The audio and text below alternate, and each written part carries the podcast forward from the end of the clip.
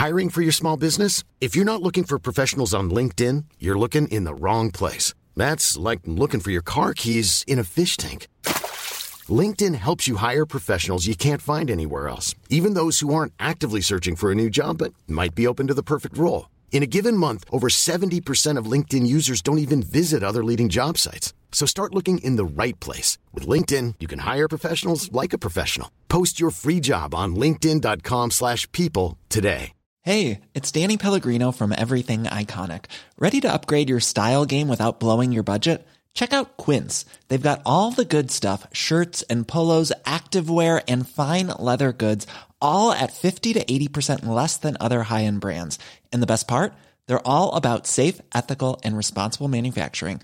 Get that luxury vibe without the luxury price tag. Hit up quince.com slash upgrade for free shipping and 365-day returns on your next order. That's quince.com slash upgrade.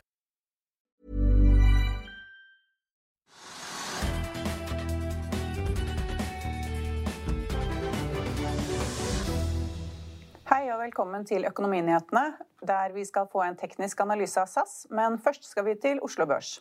Og Der stiger hovedindeksen rundt 0,7% til like over 998 poeng. Og Det er med andre ord ikke langt igjen til rekordnoteringen vi så i forrige uke, da børsen, børsen brøt 1000-poenggrensen. Hva er det som driver markedet i dag, Trygve? Det er ofte vanskelig å si hva det er. da. Eksakt, det er ofte mange drivere, Men i dag tror jeg det er åpenbart at oljeprisen eh, driver markedet. Eh, det kan kanskje ses som en økning i oljeprisen til liksom 56 dollar pluss. Eh, ikke er så mye, men 56 dollar og en kvart cent eller noe sånt. og det er liksom det er en oppgang, og det er mange meldinger i markedet om at liksom nå er oljeprisen på vei oppover.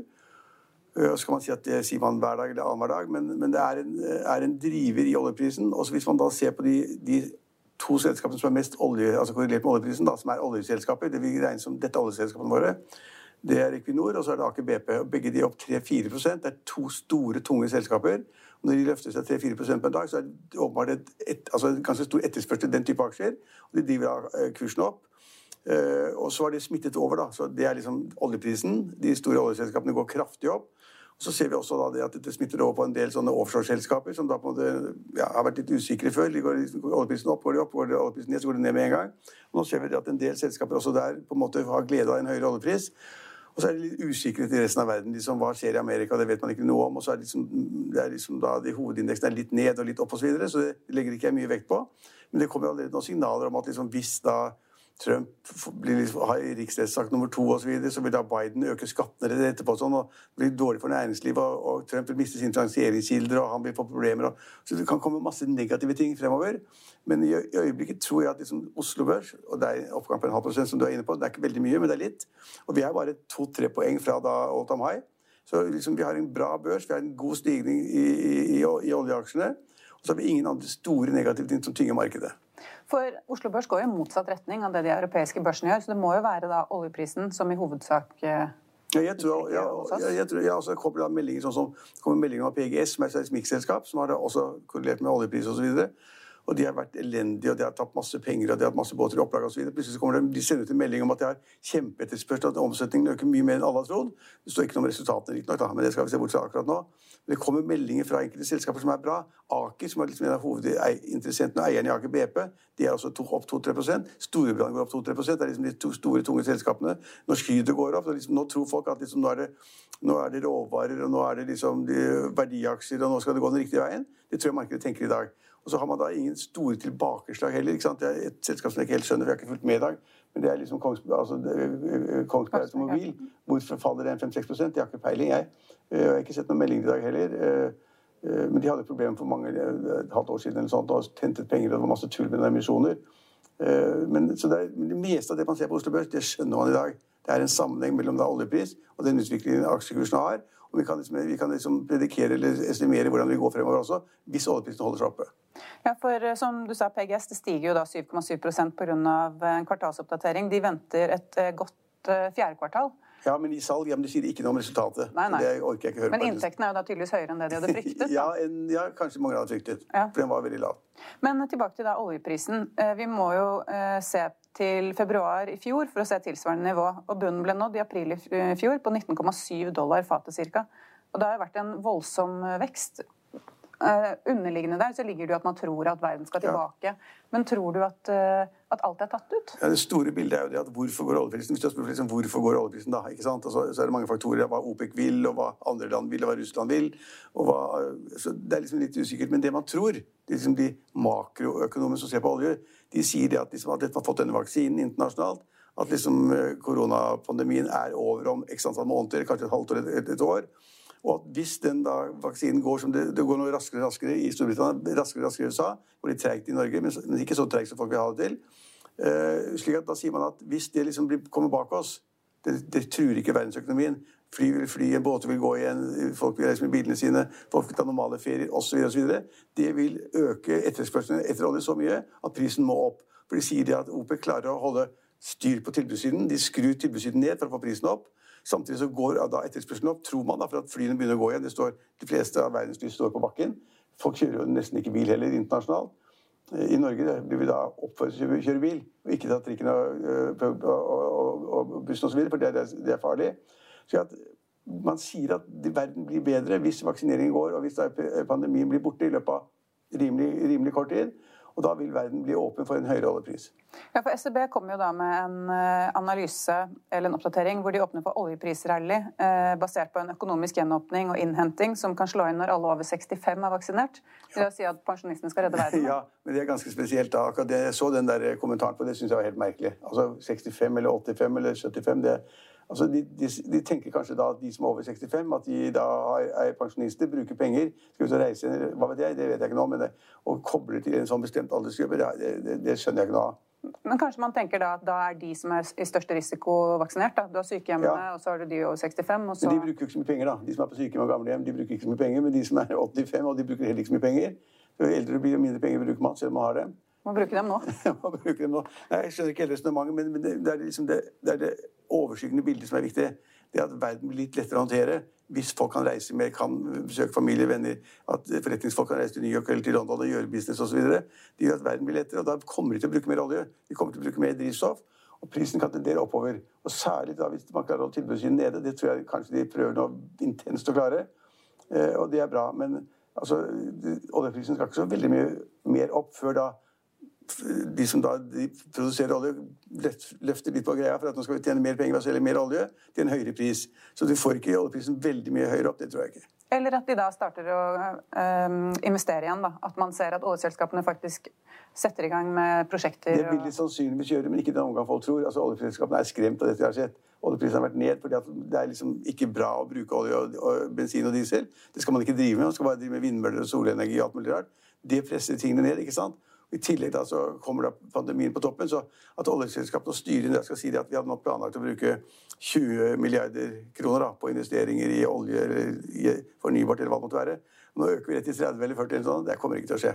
Altså, oljeselskapene være forsiktige, fornuftige, se på hva de har i kassa, hvilke limit de har å gå på. Og det er større sannsynlighet for at oljeselskapene, selv om de nå kommer forbi øh, koronapandemien, at de holder litt igjen, tror jeg. Men det er jo likevel det vi skal tjene penger på i veldig mange år til. Da. Vi skal tjene penger på dette her i 50 eller 100 år til. Så vi trenger en høyere oljepris, og vi trenger høyere aktivitet i Nordsjøen, i, i, i, nordover i, ja, nordover også, utenfor kysten. Eh, så vi trenger Og, og Norge er jo aktiv i, i, havvind utenfor Skottland. Vi gjør mye rart. Og vi er, vi er opptatt av strømproduksjon i Tyskland.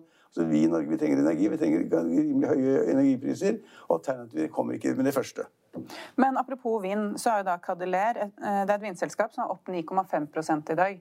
Um, og det er jo flere selskaper som stiger, men likevel så er det jo mye rødt på listen over de mest omsatte selskapene.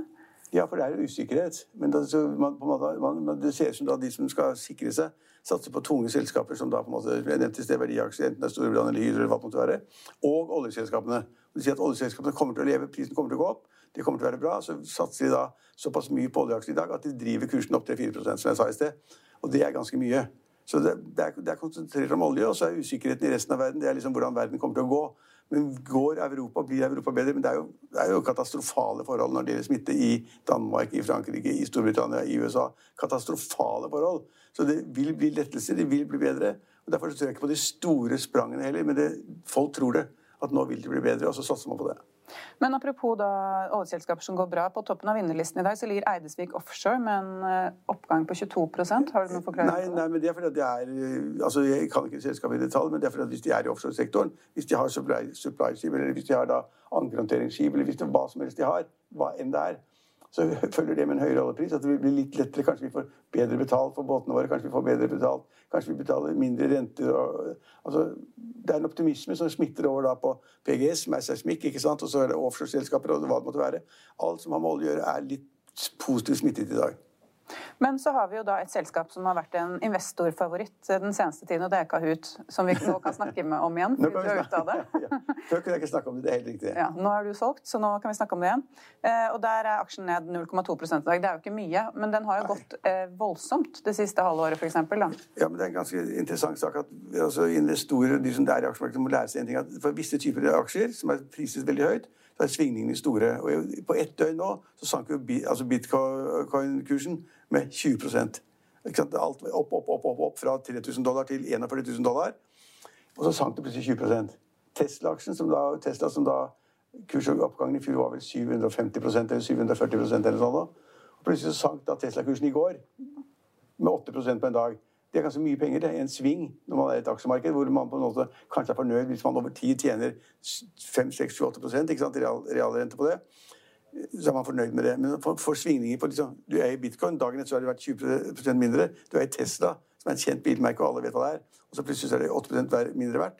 Det er på en måte en vekker at liksom, ting svinger fort her. Og Kahoot er jo da et selskap som har en kjempegod idé, drives av et veldig bra ledelse. Eh, begynner å få betalt for tjenestene sine. Alt er bra. De har litt inntekter, ikke store riktignok, ikke store. De har kjempevisjoner. Kjempe de har fått en stor utenlandsk aksjonær, kjempeflink aksjonær, aksjonær som hovedaksjonær. Og så har prisen vært, prisen vært drevet opp til nesten hinsidige, eh, og da er det klart noen begynner å ta profit. Hvis du ser at Kahoot nå Men det er ikke mer enn 1% eller sånn nå? Nei, nei. 0,2 ja, var det i stad. Det er ganske lite, men det er ganske stor omsetning i aksjen. da. Så Det ser ut som en del mennesker som, som tar ut aksjen.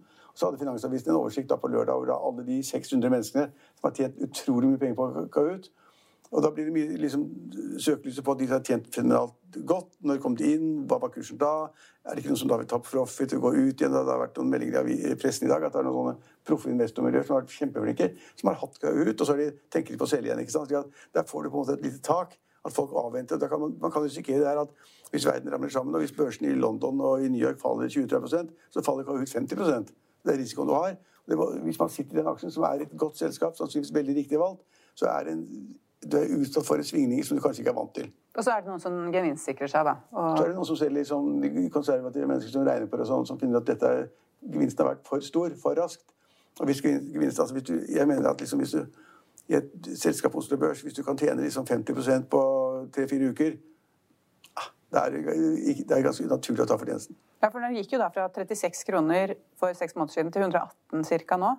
Men, jeg tror den var til og med over 120 for et par dager siden. Ja, men, men, det er jo litt sånn eh, Vi skriver mye om det, og mange følger jo med i markedet, men mange av våre seere øh, øh, altså Det kan hende at de kommer inn for sent, rett og slett. fordi man kommer jo, man leser mye om et selskap som blir haust opp, og så når man går inn, så er på en måte Jeg kom inn veldig sent. Ja? Jeg kom inn veldig sent. altså Du snakker om kurs på 30 kroner. og, og, og, og Thomas Giertsen kjøpte vel Kahoot på 3 kroner eller noe sånt. nå. Eh, jeg kjøpte veldig sent, for jeg tenkte at det var et kjempebra selskap. Og jeg ville gjerne se om det var mulig å lære noe av, og kanskje være over, over tid, da, noen år, i et sånn tech-selskap som det er. Hvor det er liksom, da skaleringseffektene er enorme. ikke sant? Du, liksom, du vrir på en skru, og så tjener du masse penger uten at kostnadene øker i det hele tatt, osv. Det kan man gjøre på den type programselskaper, plattformselskaper. Men selv om du da mener at selskapet er bra, og det går fornuftig, og jeg da tenkte nei, det er, det er, selv om det har gått masse, og alle, alle, andre mennesker har tjent masse penger, så er selskapsideen så god at da tester vi det likevel. Men så, etter at da, man tenkte skal, skal man gå på topp i et selskap, Nei, man blir idiot. Burde man ikke alltid kjøpe, kjøpe billig og selge dyrt og, og, og betale lave multipler? multipler og, og, det er gode spørsmål. Men så kommer da det spørsmålet, så selv om du gjør det, så plutselig så er da gevinsten så stor at du må ta konsekvensen av det og sikre den gevinsten du har. Og så blir det jo da på en måte en ny folkeaksje. Det, det, det, er fremdeles da mulig å gå inn der og tjene masse penger, sannsynligvis. Det er noen som sier at aksjen skal doble seg uh, i løpet av et år, et halvt år, et år. Og, og den uh, japanske hoved, uh, hoved, hovedaksjonæren, da, som er inne i den, den type selskaper verden over, de, altså, det ser ut som de skal være der for evig. Kanskje de skal overta selskapet en gang. Så det kan godt tenkes at de som da syns kursen er høy i dag, på, hva er den på det, 108 eller 109 eller sånn da? 189 kroner? Ja, er 118. Ja, 118 kroner, mm. ja. Kan godt seg at de går inn veldig høyt, men at de da viser at det var en kjempesmart eh, investering. Så det er masse interesse for ut, og det kommer til å drive etterspørselen. Men da, selskapet er kjempehøyt priset på at det er basert på kjent inntjening og de kontantstrømmene man kan se for seg. Så man må være litt forsiktig, da? Ja, men, da må man liksom se hva som skjer. Ja. Men, mitt poeng er det at i den type selskaper kan du sikre at kursen faller 10% eller 15 på en dag. Det er ikke bra. Men hvis man har et mer langsiktig perspektiv, da? Ja, da kan du bare glemme den aksjen da, ja. og tenke at dette er fremtiden. Og at det er læreprogrammer, og det er undervisning, og det er spill, og det er alt, alt, hva det måtte være. Og at folk da blir abonnenter og betaler deg ganske høyt beløp hver måned for å sitte og spille og lære. Og det får de kanskje til, ikke sant? Og vi skal ikke glemme det at eh, konsernsjefen der har jo da Kahoot-aksjer for to milliarder kroner. Jan Haugmann Andersen er en av de mest proffe traderne vi har. Aldri, man har aldri tenkt på ham som en langsiktig investor før. Han har da Kahoot-aksjer for fem eller seks milliarder kroner. Det er ikke til å tro. Og så har han da eh, noen milliarder kroner i, i et farmasi, annet farmasiselskap. slik at uh, det er kjempeinteresse for selskapet, og da kan man tenke at disse menneskene er flinke, og de er der for, for a reason.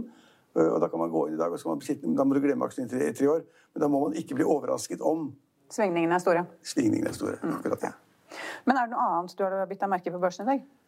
Nei, egentlig ikke. Nei. Så det er uh, oljeprisen uh, Oljeprisen, som... oljeselskapene og offshore og den type selskaper. Og så kan si det at litt rart at, at det nye liksom, grønne selskapet til Spetalen det, der, det som vi gjorde om navnet fra Saga, Saga Tank til Saga, Pur, Saga Pur, mm.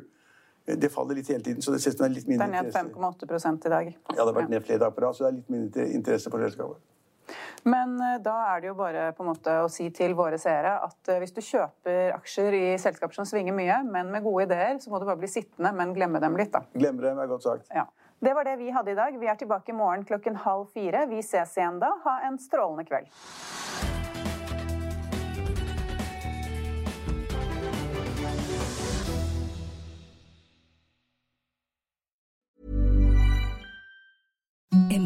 The softest sheets you've ever felt. Now imagine them getting even softer over time. That's what you'll feel with Bowl and Branch's organic cotton sheets. In a recent customer survey, 96% replied that Bowl and Branch sheets get softer with every wash. Start getting your best night's sleep in these sheets that get softer and softer for years to come. Try their sheets with a 30-night guarantee. Plus, get 15% off your first order at bowlandbranch.com. Code BUTTERY. Exclusions apply. See site for details. Even when we're on a budget, we still deserve nice things. Quince is a place to scoop up stunning high-end goods for 50 to 80% less than similar brands. They have buttery soft cashmere sweaters starting at $50, luxurious Italian leather bags, and so much more. Plus, Quince only works with factories that use safe, ethical, and responsible manufacturing. Get the high-end goods you'll love without the high price tag with Quince. Go to quince.com slash style for free shipping and 365-day returns. Økonominyhetene er en podkast fra Finansavisen. Programledere er Marius Lorentzen, Stein Ove Haugen og Benedikte Storm Bamvik. Produsenter er Lars Brenden Skram og Bashar Johar. Og ansvarlig redaktør er Trygve Hegnar.